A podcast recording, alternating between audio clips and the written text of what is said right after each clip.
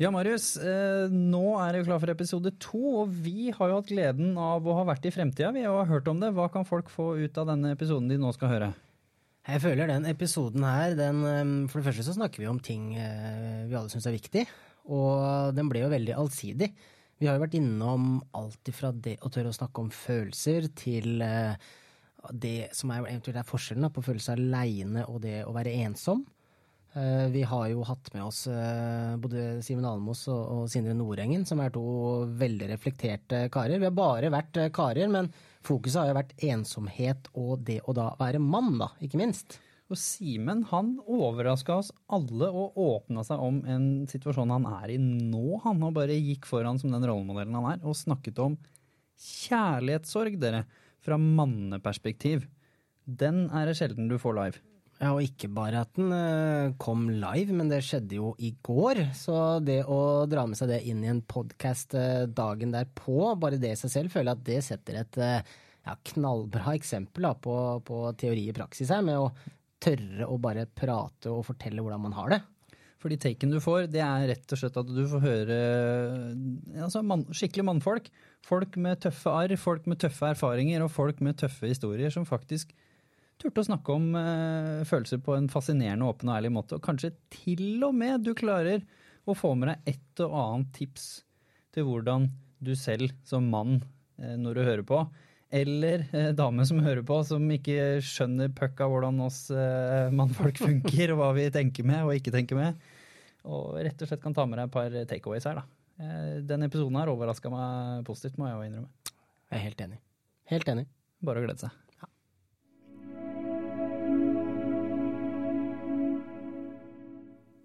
Ja, velkommen skal dere være til eh, episoden nummer to. Her i dag eh, sitter jo jeg og Jimmy, da, som vi kommer til å gjøre mange ganger framover. Temaet vi har i dag, det er jo ensomhet.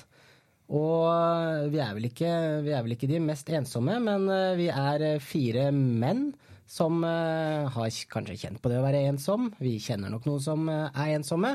Og ensomhet, det er et både sårt tema, men et viktig tema. Og, og uh, jeg, gleder meg, jeg, gleder meg, Jimmy, til å spare litt rundt dette her. Vi har to herlige gjester i dag også.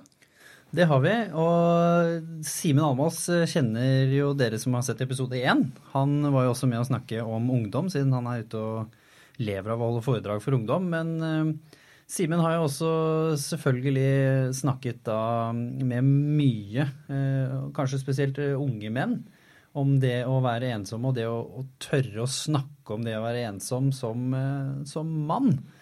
Men før det, kan ikke du introdusere Simen til de som ikke vet hvem han er, Marius? Absolutt. Simen han er en uh, ung, lovende kar fra Gjøvik med masse tyngde og erfaring i bagasjen. Han uh, har et eh, stort uh, moment med tanke på at han reiser rundt hele tiden med foredrag. Så det som er kjekt med å ha med Simen, er jo at han hele tiden har en fot i bakken. Hva er det folk tenker der ute? Hvordan står det til? Hva er det som er på agendaen? Hva er dagsaktuelt? Hva, hva kan ja, rett og slett samfunnet ta tak i? Så det er gøy å ha med Simen. Han er en herlig kar, en humørspreder, og han er ikke minst, som jeg sa, Veldig klok og reflektert, så velkommen tilbake, Simen. Takk for det. Men vi har jo ikke med oss bare Simen. Vi har jo med oss ingen ringere enn eh, the man behind the good stories all over eh, Norge. Som dere vet, vi i The Human Aspect vi filmer og intervjuer. Men Sindre Nordengen, han er litt sånn miniberømt journalist for å gjøre egentlig mye av det samme som, eh, som det vi gjør i The Human Aspect, men da på skrift. Og han har jo skrevet og ikke minst hørt og snakket med hundrevis, kanskje til og med tusenvis av mennesker om, om, hvordan de har klart å komme seg ut av det vi kan karakterisere som veldig utfordrende situasjoner. Kan vi ikke si det da, Sindre? Absolutt. Så skal vi ikke bare hive oss rett i da, Marius? Um, Sindre, hva, hva, er det med menn og ensomhet? Hvorfor er dette her så fryktelig mystisk for oss menn å liksom si at uh, jeg er litt ensom, jeg. jeg har ingen å snakke med om hvordan jeg egentlig har det? Det er egentlig et veldig interessant spørsmål du stiller der. fordi at 80% kanskje av de som jeg intervjuer, er jo jenter og kvinner. Og så er det få menn i løpet av et år som jeg egentlig intervjuer. Og jeg tror at uh, menn de har en tendens til å tenke at det er svakhet eh, å snakke om følelser. Eh, jeg tenker at det er motsatt. Det er styrke å snakke om følelser. så jeg tror det handler veldig mye om det. Og så handler det veldig mye Jeg tror de ja, svakhet, at de tenker på hva andre tenker om dem når de står frem ved det. At det er mer negativt enn positivt uh, ved at andre skal få vite at de sliter eller har slitt. da. Du sier at det er en uh, styrke. Hvorfor er det en styrke for deg å faktisk snakke om uh, hvordan man har det, og være litt sårbar, rett og slett, som mann? Jeg tenker at det handler veldig mye om at alle mennesker kommer til å oppleve noe eller sliter med noe før eller senere i større eller mindre grad. Så det er jo noe med at Noe som jeg er veldig opptatt av, det er jo å bringe håpet i disse historiene. Og det at noen setter ord på noe som kanskje du kjenner deg igjen i, eller Simen eller Marius, da, gjør at man føler seg mindre alene når man står i den situasjonen. Da smeller vi jo perfekt inn i ensomheten. Uh, Marius, du du har jo vært ute, reist mye, vært i media, vært liksom Det som vi snakket om i episode én i forhold til å, å lykkes litt da, i dagens liksom stressfulle verden, så, så, kan vi vel si, da, som fra utenstående perspektiv, samfunnsperspektiv, så, så lykkes du.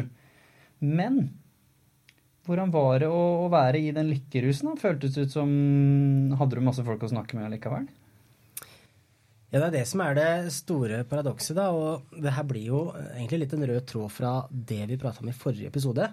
Med at man går inn i en rolle, eh, man fremstår på et visst, eh, på et, på et, på et visst nivå osv. Og, så videre, og det, ting ser, eh, ser, kanskje litt rosenrødt ut utad.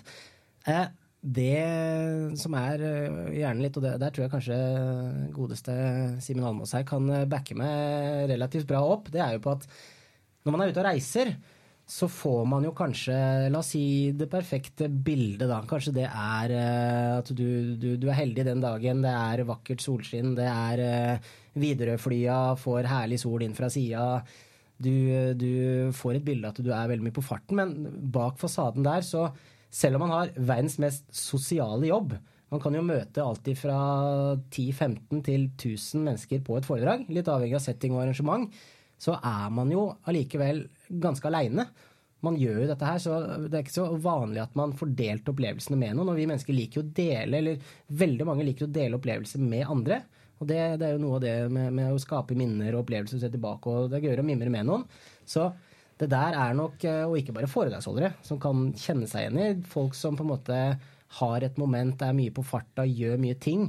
Det er jo en egen kategori med ensomhet der. og den ensomheten den, den, er nok ikke så lett å se med tanke på, på digitaliseringen av hva man poster og, og, i det hele tatt. Eh, jeg er litt sånn Simen, hva, hva, hva, er dine tanker på dette? Jeg vet vi er litt samstemt, men eh, du holder jo faktisk mye mer foredrag enn meg, for du er konstant på farta. Mm. Nei, altså eh, Jeg tenker at det er også viktig Jeg er for så vidt enig i det du sier. Jeg tenker også at det er viktig å skille mellom det å være ensom og være alene. Og jeg hørte veldig Marco El-Safadi sa det så godt. Han er også en dyktig foredragsholder. Og han sa at um, han stilte spørsmålet til uh, Jeg tror det var på en barneskole. Og så var det ei uh, Eller hvem det var. Det var en person da, i hvert fall, som svarte. for Marco stilte spørsmålet hva, hva er ensomhet? Så begynte å prate litt om det. Og så, så sa den ene personen her at det er jo en, det er en forskjell mellom det å være ensom og det å være alene. Fordi det å være alene, det er ofte et valg. Det å være ensom, det er ikke et valg. Ensomhet er noe du kan føle på selv om du har 1000 mennesker rundt deg. Eller om du har fem mennesker rundt deg. Kan, og ikke minst, du kan være ensom eh, rundt de feil menneskene. Menneskene som ikke eh, henter ut det fine i deg. Som får deg til å føle deg bra. Så det er litt sånn ulike former for ensomhet. Men jeg tenker det er viktig å skille mellom det å være ensom og være alene. Fordi ja, jeg er veldig mye aleine på tur. Men jeg er ikke så ofte ensom. Det er ikke ofte. Det har vært et par ganger hvor jeg har kjent at åh, nå føler jeg meg ensom, nå føler jeg meg litt tom. Um, men det er egentlig veldig sjeldent. Men ensomhet blant oss menn um, Jeg har ikke prata så mye om det uh, under foredragene mine, så jeg har ikke helt helt på en måte taket rundt det. Jeg kan ikke helt si hva ståa ut der ute. Men, eh, men ja, det er i hvert fall de. Men Sindre, du, vi som kjenner deg, vi vet jo at du er en usedvanlig sosial eh, fyr. Du er veldig flink til å invitere folk inn. Du er flink til å eh, snakke om eh, kanskje litt både dypere ting, men også litt mer joviale ting. Og du, du virker som, hvis man liksom følger deg fra utsiden, da, hvis vi igjen tar perspektivet og rammen av sosiale medielivet til Sindre Nordengen, så er du i hvert fall mye på farta, og er jo hele tiden med på noe. Og som journalist så har du jo innpass selvfølgelig veldig mye litt sånn, hva skal vi kalle det for noe, festligheter og arrangementer og eventer og ting som skjer. Men eh, kan ikke du dele med oss eh, hvordan, hvordan er det å være deg i forhold til eh, det ensomhetsperspektivet når det skjer noe rundt deg hele tida? Mm. Jeg syns det er veldig interessant det Simen sier med å være ensom og alene, for jeg også skiller på de to tingene. Og det er jo veldig mange som eh, kommer til meg og sier at å, så spennende liv du har. Du er jo stadig vekk på farten, du reiser, du møter folk. Det er liksom noe som skjer hele tiden. Men det kanskje veldig mange ikke ser og ikke forstår, er jo at jeg, jeg gjør jo mye, men jeg er jo også veldig mye alene. Jeg har jo ikke noe, For jeg er jo frilanser, jeg har jo ikke noen kolleger, eller mesteparten av uka så sitter jo jeg foran Mac-en min. Jeg og Mac-en min, det er bare oss to, liksom. Så så da kan det jo Så jeg er jo mye alene, men det er veldig Jeg føler meg jo veldig sånn sjeldent ensom, da. Hva, hva har vært ditt mest ensomme øyeblikk? Jeg tenker at det var uh, når jeg var yngre, før jeg visste hva jeg hadde lyst til å bli og jobbe med, og før jeg begynte å etablere meg som journalist, og den derre Kall det overgangsfasen der, da. Husker du et uh, øyeblikk fra det her? Dette er jo The Human Aspect eh, podcast, så her vil vi ha the real moments. Hva følte du, hva tenkte du der og da? Kan du dele et lite glimt? Nei, det er sånn der at man tenker jo Kan jo kjenne på at så tenker man jo sånn Hva skal det bli av meg? Kommer jeg til å bli noe Det er jo litt sånn derre hvordan skal jeg få det til? Jeg husker at når jeg begynte som journalist, så husker jeg at jeg syntes det var veldig vanskelig å få innpass. Jeg følte hele tiden at jeg måtte bevise at jeg var flink eller god nok. ikke sant? Det treffer jo på sånne ting, da. Med årene så er det jo ikke blitt sånn lenger. Men, og det går jo liksom sånn på selvfølelsen, det der og at man ikke er god nok, eller på de tingene der, da. Som, som mann da, i den settingen der. Mm. Følte du noe på da at uh, dette kan jeg gå og snakke med kompisen min om, eller venninna mi om? Var det noe liksom som slo deg der og da? Nei, jeg, jeg, delte ikke. Og jeg er nok fortsatt litt sånn at uh, det er veldig få som jeg deler ting som egentlig er Eller jeg kan være åpen om ting, men har jeg en kjip dag, så har jeg ikke nødvendigvis kontakt med så mange. Eller det er ikke så mange som egentlig vet det, da. Hvorfor ikke det? Nei, det er, eh, jeg, kjenner, jeg liksom tenker at, eh, at jeg skal liksom ikke plage andre med mine, mine ting, tenker jeg vel. Så, så selv da som han journalisten da, som lever av mm. å skrive om andres utfordringer, og jeg kjenner meg jo litt igjen da, som han andre journalisten si, som, som, intervjuer folk, eh, og som lever av å snakke om dette her. Og jeg også av og til tar meg sjøl i å ja, føle at jeg har ikke lyst til å plage andre. Kjenner du deg igjen i det, Marius? Det er vel noe øh, Det er noe i det, men jeg er litt opptatt av at jeg selv har en sikkerhetsventil. Og det betyr at øh, man, man har godt av den avkoblinga òg. Det er jo altså, det er noe med at kroppen tar jo en del valg øh, for å på en måte sørge for at du kommer deg gjennom hverdagen, og, og den vil jo justere seg. Og, og, det jeg tenker på da, er, og det vil jeg kanskje tro flere av dere er enig med meg, med tanke på at hvis man har vært ekstremt sosial, hvis man har vært veldig mye på farten og man har mingla veldig mye, så er det noe som har kosta veldig mye energi.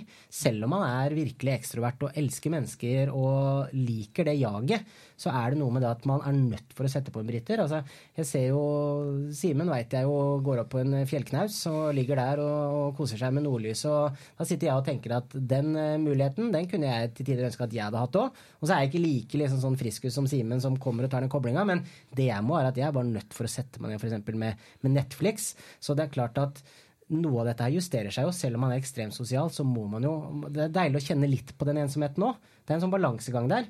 Så noe tror jeg man trenger. Noe av den alenetiden, men hvis vi skiller da alenetid, det er kanskje litt mer det det er enn ensomhet. Og, og så er det kanskje noe med det at man har godt av å kjenne litt på hvis man føler seg litt ensom. For da, da, da man, man, Jeg er veldig opptatt av at man skal kjenne på de følelsene. For da er det litt lettere å kanskje også ta et valg om at jeg er ensom med vilje, f.eks., eller jeg er alene med vilje, da, osv. Men la oss uh, svinge den pendelen litt over i å leike litt med hva ensomhet er. Fordi veldig mange av de jeg har intervjua, og meg selv, så kjenner jeg meg igjen i at grunnen til at jeg har følt meg ensom i livet de gangene jeg har gjort det Jeg vokste jo opp som en outsider på, på bygda. Jeg følte meg jo fryktelig ensom, selv om jeg var utadvendt og sosial, sånn sett. Er fordi at jeg følte at ingen forsto meg. Derfor var jeg ensom. Det var ikke nødvendigvis at jeg ikke åpna meg fordi jeg var redd for det, for det var jo ikke det hele tatt. Jeg snakket jo med alle om alt og alt hele tiden. Ifølge mamma snakka jeg idet jeg kom ut. Men er det noen av dere som kjenner dere igjen i det? At det, det er ikke noe vits å snakke med noen, fordi det er ingen som forstår hvordan du tenker allikevel. Så liksom, hva er vitsen?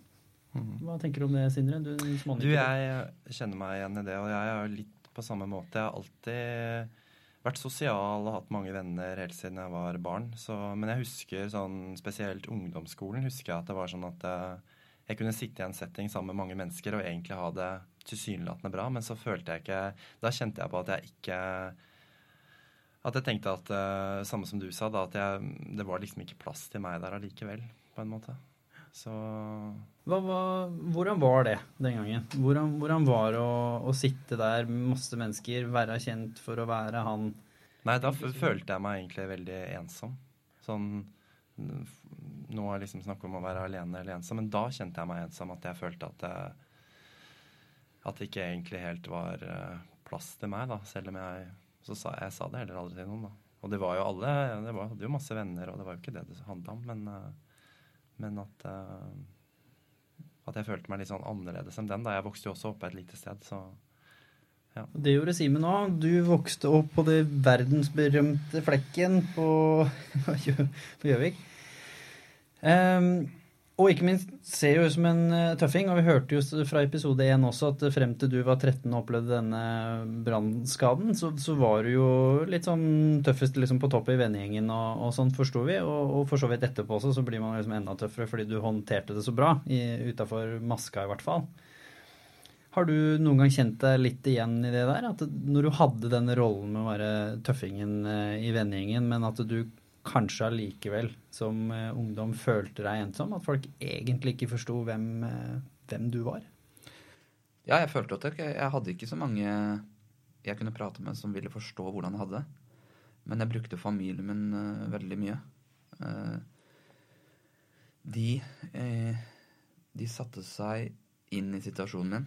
De var med meg i den nære båten ute på havet. når jeg følte meg aleine, så prata jeg om det, og så gråt de med meg, og så blei de på en måte med i den båten. da. Og det var så godt å føle at jeg hadde noen der som var med meg. Eh, som kunne også kjenne på de vonde følelsene jeg sto i. Husker jeg og mutter'n vi satt og grein masse sammen. Hun var med meg på hele den reisen her. Pappa var det, og søstera mi var det. Um, så jeg hadde noen som hadde den evnen til å kjenne på det samme. Jeg så de i øya, og jeg så at de kjente på akkurat de samme følelsene. Selv om det var jeg som sto i den uh, førersetet, som sto virkelig de store krisene. Men samtidig så greide de å sette seg inn i situasjonen min. Hvordan var det som, som, mann, eller ung mann, liten mann, hva skal vi kalle deg når du var uh, ungdom? Hvordan var det å få lov å gråte og gjøre en del ting som jeg regner med ikke akkurat var uh, A4 på, på bygda? Um, det, det var vanskelig, men også veldig godt. Og det gjør jeg ennå i dag. Og um, vi er veldig flinke til å prate om kriser når vi har vært igjennom det. Uh, men vi er ikke flinke til å prate om kriser når vi står i det. Så sånn som i dag står jeg i en sånn ganske tøff krise. For um, jeg har nå vært, um, vært aleine i fem år.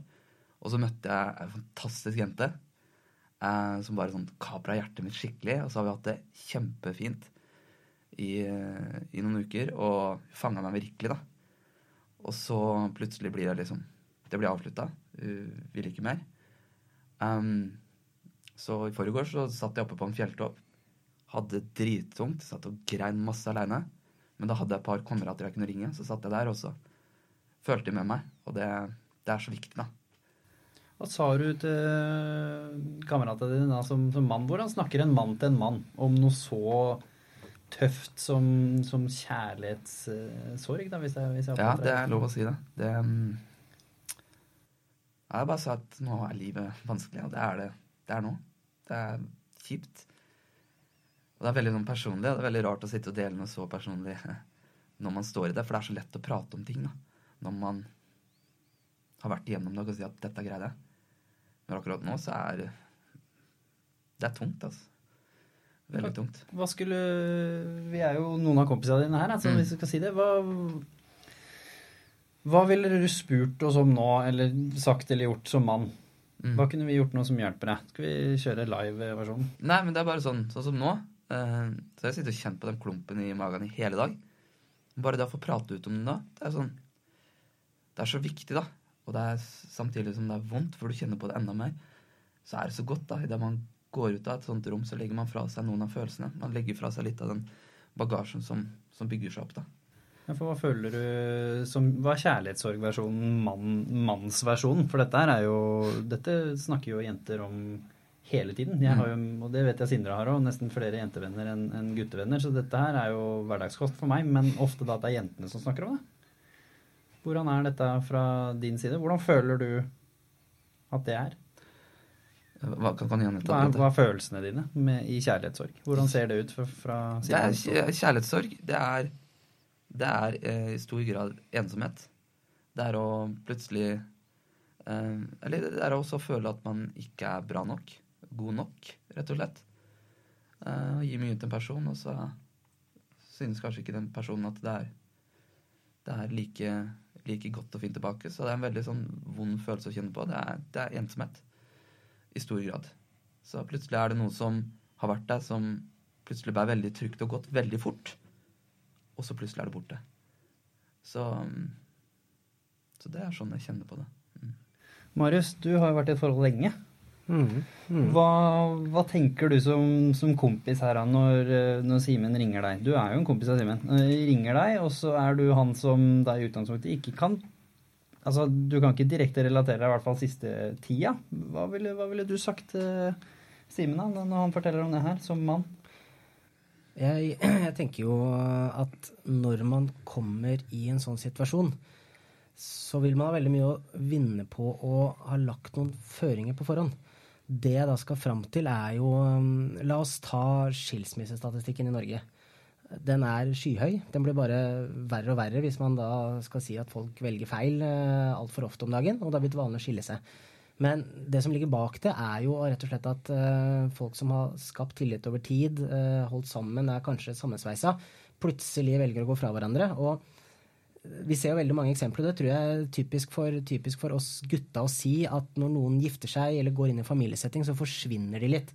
Det er vanskelig alltid fra å få dem med på sånne småting som bowling og, og puben eller hva det skal være, til kanskje en tur eller altså Du må, du må virkelig treffe på rett tidspunkt, da. Og så blir man også litt skuffa si, hvis man har planlagt et julebord, og så er det en kompis som melder avbud. Og det er sånn typisk sånn setting man kommer i når man øh, begynner å bli ordentlig voksen. og jeg er jo veldig glad altså med tanke på, på frøkna mi, så gir hun meg veldig mye frihet til å pleie vennskapene mine.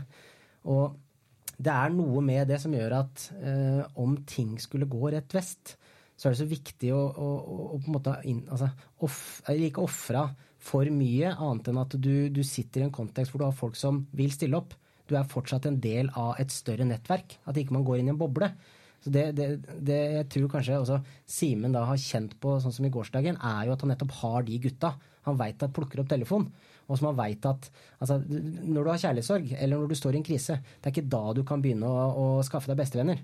De må du allerede ha. Så jobben gjøres jo hvert minutt i det daglige hele tiden. Og det går jo på de små prioriteringene. Den ekstra telefonsamtalen til barndomskompisen. Bare for å liksom, hvordan går det? For du kan, ikke, du kan ikke være den som bare ringer når du har det kjipt heller. Det er en sånn balansegang. Og, og igjen, det er nettopp det da, for å gå tilbake med at veldig mange er i et forhold, og hvis det ryker, og ikke har satsa alt på én hest, da. Det blir jo en metafor, men at du har gjort, du har gjort en investering, da, at vi mennesker er flokkdyr, som vi var inne på i episode nummer én, og, og at vi trenger å ha en, en, en viss del mennesker i flokken vår. Det må være en flokk. Og det er litt av sånn fundament der. og det, det tror jeg du kjente på i går, Simen, at det var deilig å ha de, de kompisene der som du visste at her har jeg de, kall det, aktuelle psykologene der og da, da som lytter. Absolutt. Og um, da føler man ikke Man føler seg veldig aleine i kriser. Hvis man ikke prater om det. Og da er det så viktig å ta det steget ut av den ensomheten. Eh, for det er ingen som kommer til å komme og redde deg om du ikke tar steget ut sjøl og velger å fortelle om hvordan du har det. Om du har det vanskelig og føler deg ensom, og ikke forteller det noen, til noen, så er sannsynligheten for at noen dukker på døra di en søndagsmorgen og banker på og sier at her er jeg, for å redde deg fra alt det som er vondt og vanskelig, den prosentsjansen er lik null.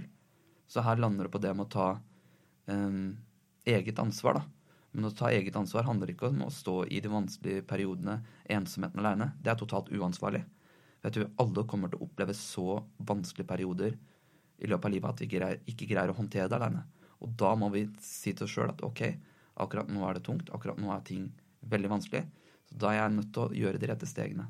Og det handler ofte om å ta opp den telefonen, prate ut, prate om når du kommer hjem, når du møter vennene dine, og fortelle hvordan, hvordan livet egentlig er, da. For det som er litt fascinerende med perspektivet av å være alene, å velge å være alene og ikke dele ting, er jo at i hodet ditt så kan du gjøre den situasjonen til bedre eller dårligere. Vi har alle de vennene som er superpositive.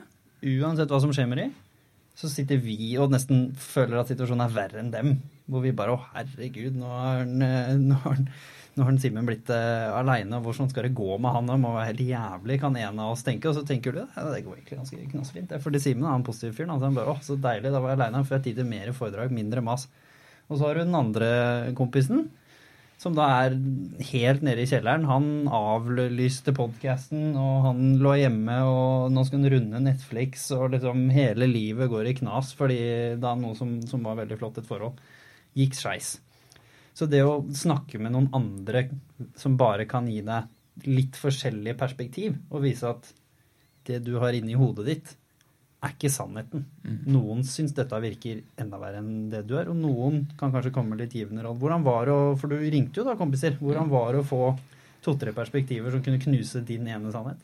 Nei, det var, eh, det var veldig godt. Det, det lette veldig på et sånt trøkt, fordi vi, vi roter oss ofte ned, i hvert fall jeg gjør det. Hvis jeg opplever å ha det vanskelig og ikke forteller det til noen, så roter jeg meg ned i en egen verden som overhodet ikke trenger å stemme overens med virkeligheten.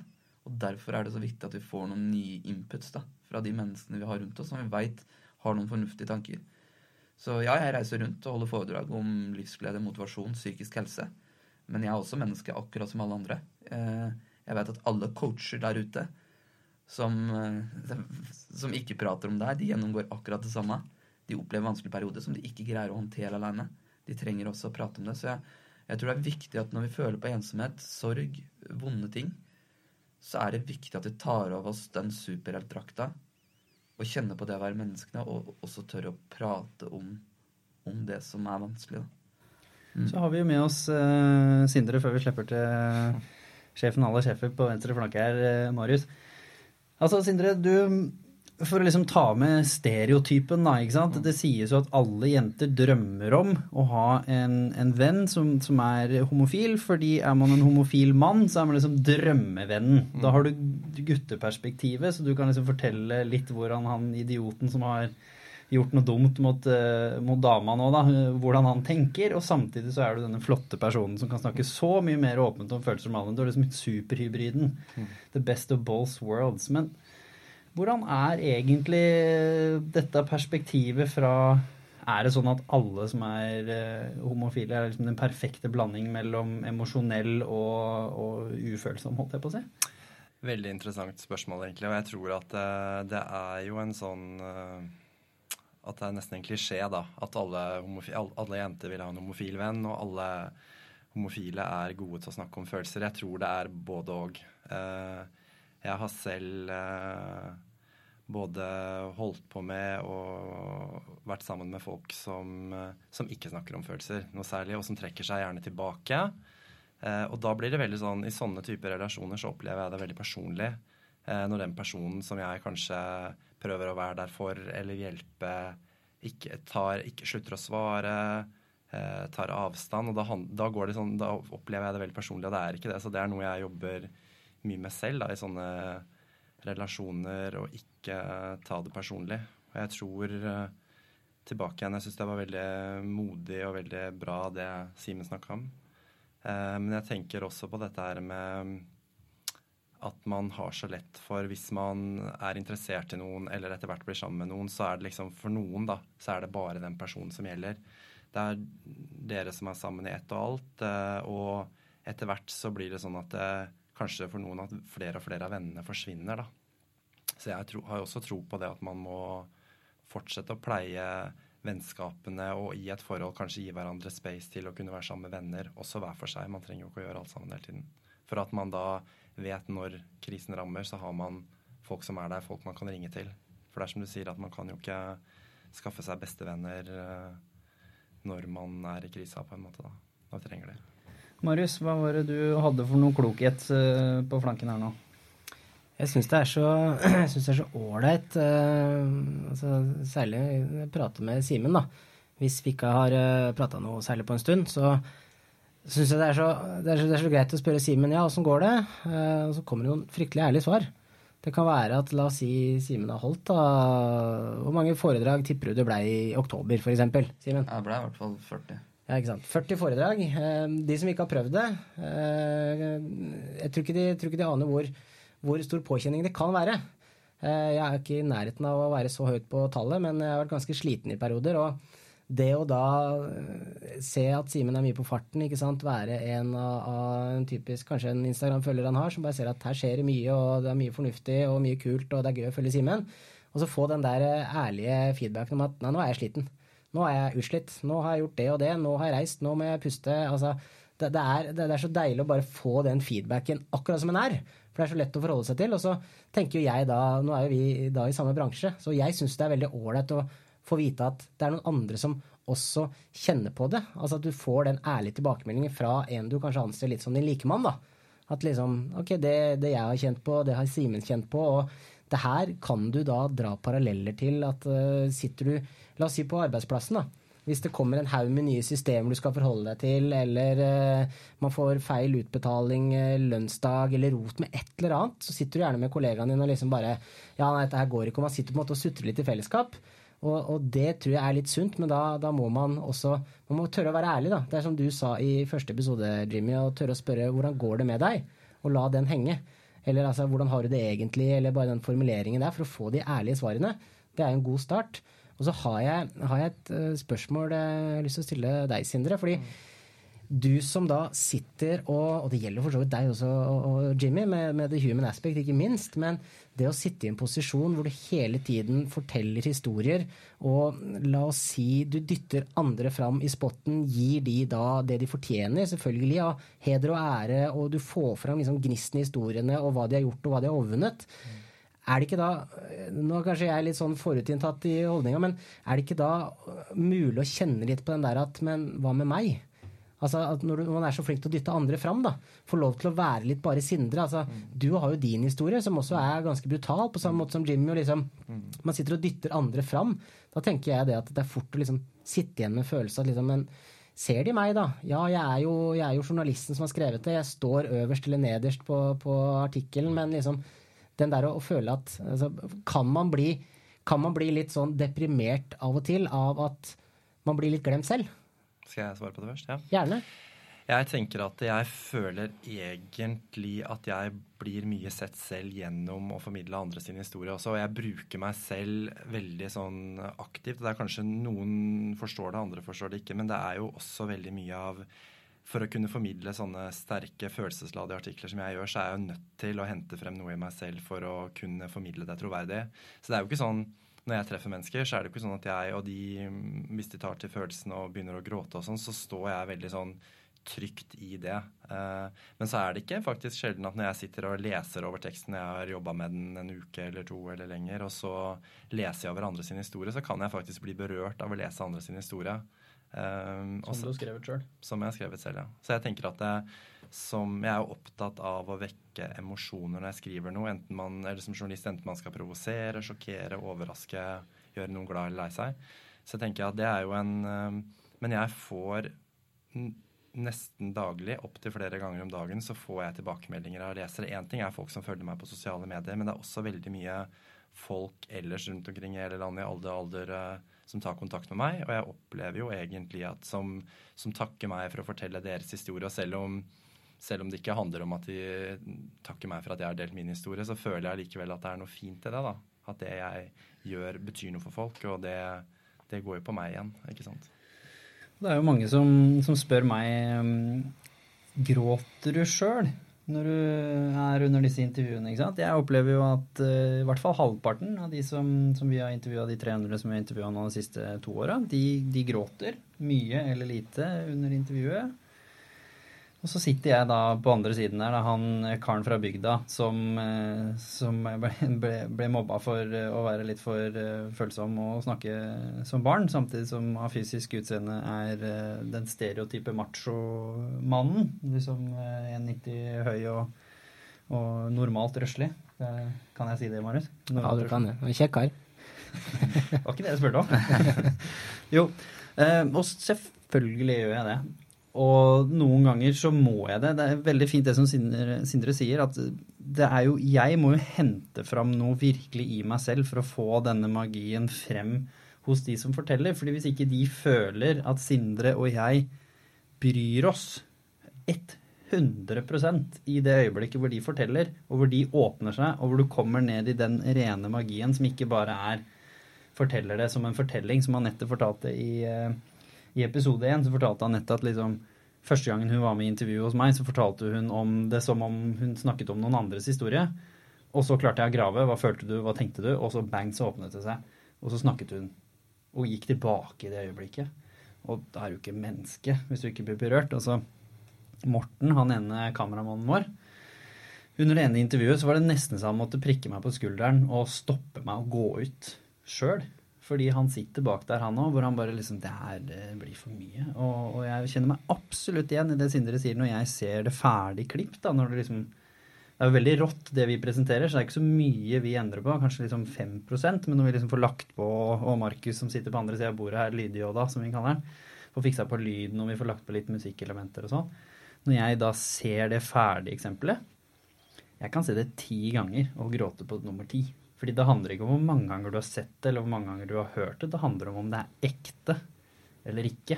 Og det føler jeg at det er både når Sindre leverer sine artikler, og det er jo det vi står for, selvfølgelig, i The Human Aspect. Og ikke minst når da Simen delte i stad. Så kjenner jo jeg det klyper, jeg òg, fordi vi kjenner oss igjen, sant? For jeg både føler med han, for jeg ser jo at det er ekte, men også så blir man sånn Å gud, den har jeg kjent på. Ja, omtrent griner, så men det er noe med det. Jeg tror ikke vi skal være så redd for å vise følelser, være redd for å grine. Det er kjempeviktig. Det er, eh, det er eh, Vi trenger det. det er, vi trenger å få ut Når vi kjenner på å ha det, ha det vanskelig. Mm. Hvorfor er det så vanskelig å grine, Marius? Som mann? Det er ikke så vanskelig å grine. Som mann? Det er forferdelig vanskelig, dette. Ja, det eh, Altså, jeg, jeg tror det, det, er så mange grunner til hvorfor det eventuelt også er eh, vanskelig. Men jeg er litt opptatt av Jeg lå og tenkte på det eh, i natt når jeg visste at vi skulle spille inn det, det temaet her. Og da, da gikk det på, på at uh, Altså, de fleste har jo en historie. Det er, jo, det er jo noe vi kan slå fast. Altså, Livet er humpete fra vi blir født til vi dauer. Det, det, lever jeg etter. Det slutter ikke å humpe. Alle vi som er i rommet her, vi har opplevd kjipe ting. Og, og, det har alle som nå da eventuelt sitter og hører på oss. De har opplevd noe kjipt. Og man kan ikke definere holdt på å si, motgang, fordi den kan være forskjellig fra person til person, og den kan takles forskjellig og ut ifra hvor man er i livet og i det hele tatt. Um, men, men det, det vil at man ikke skal være redd for. fordi etter hvert som man har vært gjennom noen kjipe ting, så er det ikke de samme tingene man gråter av. Det er jo et mønster som forandrer seg. Jeg merker at jeg kan sitte og sippe som et lite barn til f.eks. Eh, soldater som kommer hjem eh, fra marinen i USA.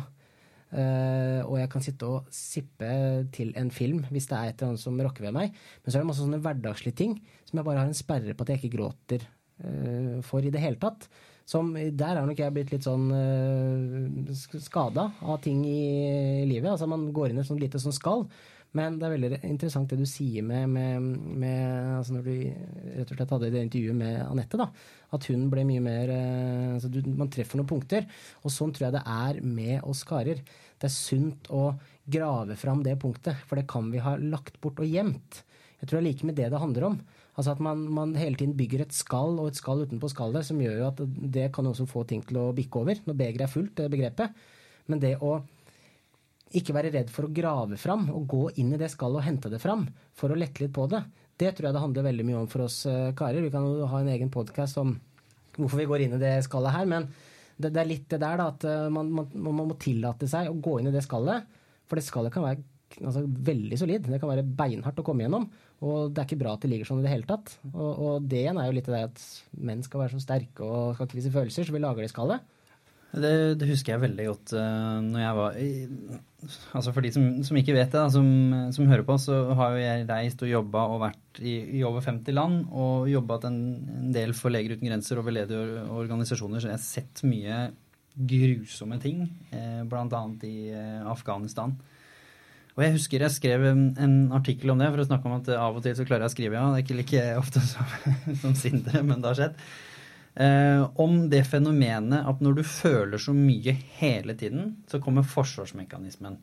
Og det her er liksom Jeg føler at menn har bare Den, den er bare bom satt ned fra som vi var barn. Da gråt vi selvfølgelig for alt og ingenting. Vi som menn, som, som, som jenter, liksom, gutter og jenter, gråter like mye omtrent som barn. Og så skjer et eller annet, føler jeg. Og det var at jeg følte så mye, så så mye elendighet, at hvis jeg skulle grått hver gang jeg så noe som var vanskelig eller jævlig, eller noe jeg følte på sjøl, så hadde jeg jo grått hele tida. Så det går jo ikke. Så da kom forsvarsmekanismen inn. Bang! Stengt. Men når jeg kom hjem igjen da, så sleit jeg jo med å gråte selv når noe grusomt hadde skjedd. Når jeg da mista bestefar, som var liksom, Det er jo grusomt i seg sjøl. De fleste vil jo gråte av det. Så plutselig så kjente jeg på at nå vet jeg ikke om jeg klarer å gråte. Og så så jeg på en Netflix-episode hvor det som traff et eller annet. Og så klarte jeg ikke å ikke gråte. Og så, så blir det jo litt sånn du, du, du, blir jo nesten flau, fordi ja. da, da, begynner du å sette tvil med hvorfor griner jeg for noe som ikke er relevant. Når jeg, altså, når jeg burde grine for det som egentlig altså, man, blir, man, blir, nesten flau da, og får dårlig samvittighet. Fordi det skjer noe som er så ille og som er så nært. Og så velger man kanskje å le av en liten hund som uh, har skada beinet sitt.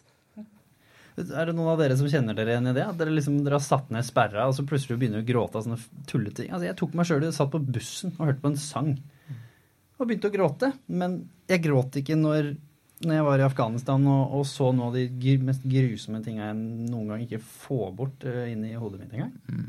Jeg kjenner meg veldig, veldig igjen. Um, jeg reiser mye rundt, altså møter jeg selvfølgelig, akkurat som Sindre, møter de sterke historiene. Men skal jeg eh, For jeg hører for innsyn i mange, mange stygge skjebner. Men hvis jeg skal ta Jeg kan velge å gå inn i det, eh, sette meg inn i det, kjenne på det. Men hvis jeg skal gjøre det her hver eneste gang, så kommer jeg til å bli et mentalt eh, Altså jeg kommer til å bli et vrak med tida. Så jeg har også en sånn forsvarsmekanisme at jeg er ute og holder foredrag. Det er sterkt å høre eh, det du deler. Men jeg velger samtidig å beskytte meg sjøl og på en måte ikke gå så veldig mye inn i det. Men det tror jeg også blir en sånn, hva skal jeg si, en litt sånn eh, Holdt på å si profesjonell greie. Eh, det blir jo da en forsvarsmekanisme, som du sier. For jeg tror heller ikke Sindre greier å gå inn i hver eneste enkelt historie, kjenne på alle detaljer, kjenne på all sorgen. Jeg tror at hvis vi alle skal gjøre det hele tida, så blir eh, så blir det vanskelig. Men hadde vennene mine en av vennene mine kom og, kom og delt noen av sine verste kriser, sorger, så hadde jeg valgt, da hadde jeg virkelig valgt å gå inn i det og kjenne på det. Hvis det er noen som virkelig kommer til meg, og, og som, som, jeg er veldig glad i, eh, og som, som, føler seg ensom, som vi nå prater om, så velger jeg selvfølgelig å, å gå inn og, og, kjenne på det. Jeg tenker også at eh, Veldig sånn eh, kort fortalt før Eh, altså sånn som I den perioden her, da, eh, når jeg har hatt det vanskelig, så har jeg ringt kameratene mine. Jeg har grinet, jeg har sagt at jeg har hatt det helt jævlig. Eh, følt meg aleine. Det jeg som, altså det som er så fint nå, det er at jeg veit at de veit at når de opplever å ha det vanskelig, når de opplever å være ensomme, slite og ha det vanskelig, så veit jeg at de kommer til å føle seg komfortabel med å ta opp den telefonen til meg. For vi kan være flinke til å si ja, kom og prat med meg når ting er vanskelig. Hvis du føler deg ensom, så veit du hvor du har meg. Men jeg tror vi ofte er nødt til å sette et eksempel for det først. eh, For de menneskene rundt oss. For gjør vi det, så tillater vi de å gjøre akkurat det samme eh, mot oss når de opplever å ha det vanskelig å være ensom. Sindre, du, du kom jo ut med din egen historie litt midt oppi dette her, sant? Eh, så er, er det så enkelt at det hele bare handler om at vi trenger rollemodeller? Som, Simen sier her, at vi som tør, da, må bare dele hvordan vi har det, fordi da vil automatisk eh, menn og kvinner, da, men altså, i dag snakker vi om menn, rundt oss plutselig begynne å tørre å være mer åpne. Skjedde det når du delte din historie, at plutselig andre rundt deg som kanskje ikke hadde delt hvordan de egentlig hadde det med deg, plutselig gjorde det? Det var sånn, for jeg fikk jo kreft da jeg var 23 år gammel. Så oppdaga jeg at jeg hadde kreft. Testikkelkreft. Eh, og jeg husker at eh, Og jeg gråt egentlig veldig lite liksom, rundt det. Og jeg tenkte jo på om jeg kom til å dø. Og jeg husker at jeg sto på sykehuset og sto og så rett ut eh, på en gravplass. Det var veldig fin utsikt. Uh, og jeg husker at jeg sto og så, og så tenkte jeg sånn Hm, hva slags sten har jeg lyst til å ha? Jeg vil ha en litt fin sten. Uh, det har jeg lyst på. Husker jeg det tenkte. Eh, og så var det sånn, men den perioden liksom jeg oppdaga det, og jeg ble operert innen det hadde gått en uke, og når det hadde gått en uke til, så hadde jeg fått svar på, på prøvene. Og jeg husker at det, den måneden For det er jo ofte sånn at når krisen rammer, så ser man jo hvem som er virkelige venner og ikke. Og jeg husker at når jeg fikk den uh, telefonregningen, så hadde jeg snakka i nesten 60 timer i telefonen den måneden. Jeg snakker, jeg snakker mye i telefonen, men det er under ti timer i måneden sånn vanligvis, da. Så jeg fikk jo se liksom alle som brydde seg, og som hadde omtanke og, og sånn, sånn for meg. Men jeg er nok litt sånn når det gjelder meg selv, så er jeg nok kanskje litt sånn fatalist på en måte, da. For det er sånn derre Jeg kan også ta meg at jeg sitter og hører på en sang eller leser en bok som ikke Og det kan være en sånn bok som er fiksjon, til og med. Hvor jeg kan begynne liksom å leve meg, begynne å storgråte for det. da. Og så sitter du på bussen eller på toget, og så, tenker, og så ser man seg litt rundt, og så er det noen som ser meg nå, liksom. Så- Er det rett og slett innebygde følelser som, som bare har hopa seg opp? At det egentlig ikke har noen ting med den boka eller den sangen eller det å gjøre? Hva, hva tror vi om det? Er det bare at eh, vi ikke gråt når vi burde ha grått, rett og slett? Altså, Jeg har lyst til å skyte inn noe her. Ehm, for eh, det Sindre nettopp sa, før jeg begynte å fortelle om eh, hva, slags, hva slags krise jeg står i i dag, det var at han sa Han sitter her som journalist, eh, møter de sterke historiene, og så sier han at ehm, Hva var det du sa for noe? At du opplever og, Nei, du er litt dårlig på å sette ord på det når det er vanskelig periode. Du trekker deg litt unna. Mm, mm. Veldig transparent og ærlig. Og så tenkte jeg kanskje jeg også skal være like transparent og ærlig i dag. Så jeg satte litt tilbake til det vi prata om. Det var det som var grunnen til at jeg sa det. For jeg satt og tenkte på skal jeg egentlig ta det her opp i dag? Skal jeg prate om det? Er det her rette arenaen? Men så gjorde du meg komfortabel med å si at nei, vet du hva, jeg er, jeg er voksen, jeg er mann. Og så, i det øyeblikket du åpner opp, så tillater du også meg å gjøre det samme. Og det er så ufattelig fint og vakkert. Og det er vi nødt til å Og det, det er jo en ting som jeg ser hele tiden, for det er jo en del mennesker etter hvert som vet hva jeg jobber med. Og det er sånn uansett setting jeg er i, eh, så er det jo ofte noen som heter meg Eller hvis jeg sier hva jeg jobber med, så får jeg så mye betroelser.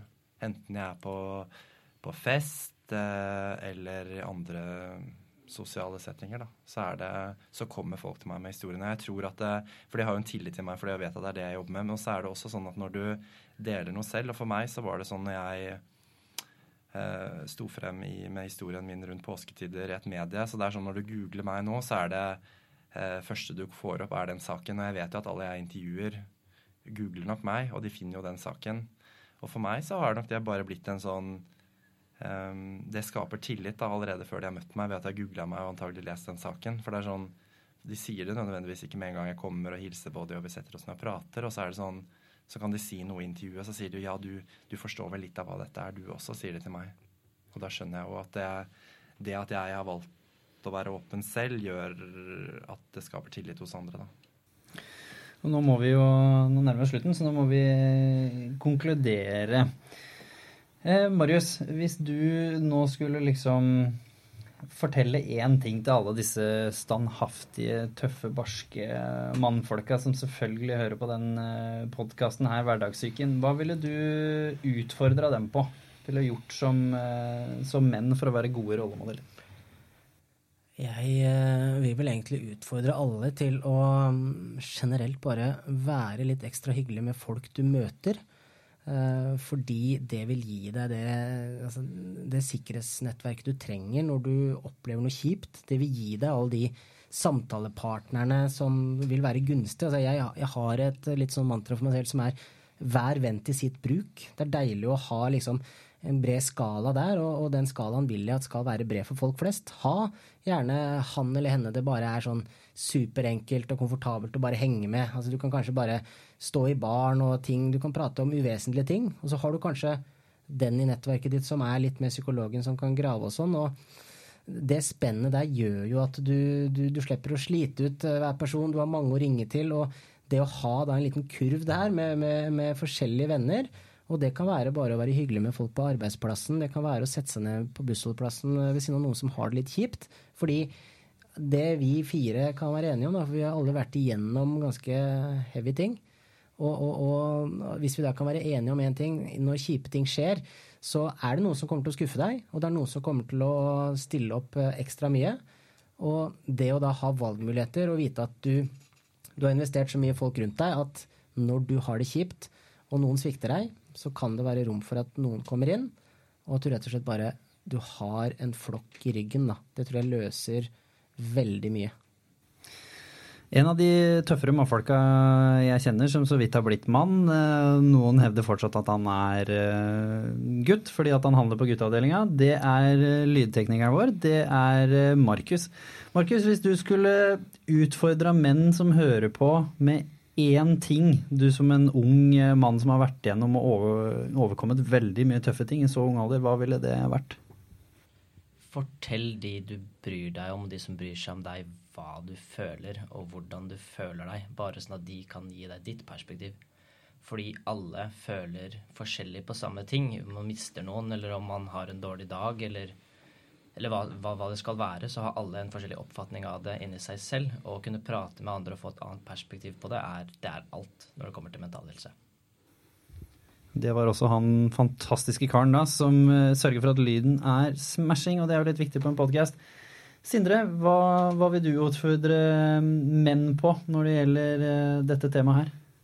Jeg tenker at alle har jo en venn eller en venninne som man kan snakke med. Så jeg tenker det første er at man kan utfordre seg da, på å snakke med en av de. Sette ord på det. Man trenger jo ikke å snakke med alle om alt. Akkurat som Marius sa, at man har venner til litt forskjellig bruk, da, og at det er viktig. Så snakk med den du føler deg aller mest komfortabel med, som kanskje er den som kommer til deg og deler når det er noe. At du bruker den personen tilbake. For man har jo man syns jo alltid det er hyggelig å, å, hjelpe andre, men andre syns jo ofte at det er hyggelig å hjelpe deg tilbake. Da. Så at man kan be om hjelp også, ikke bare gi hjelp tillate venner å være gode venner, og slett. Mm, akkurat ja.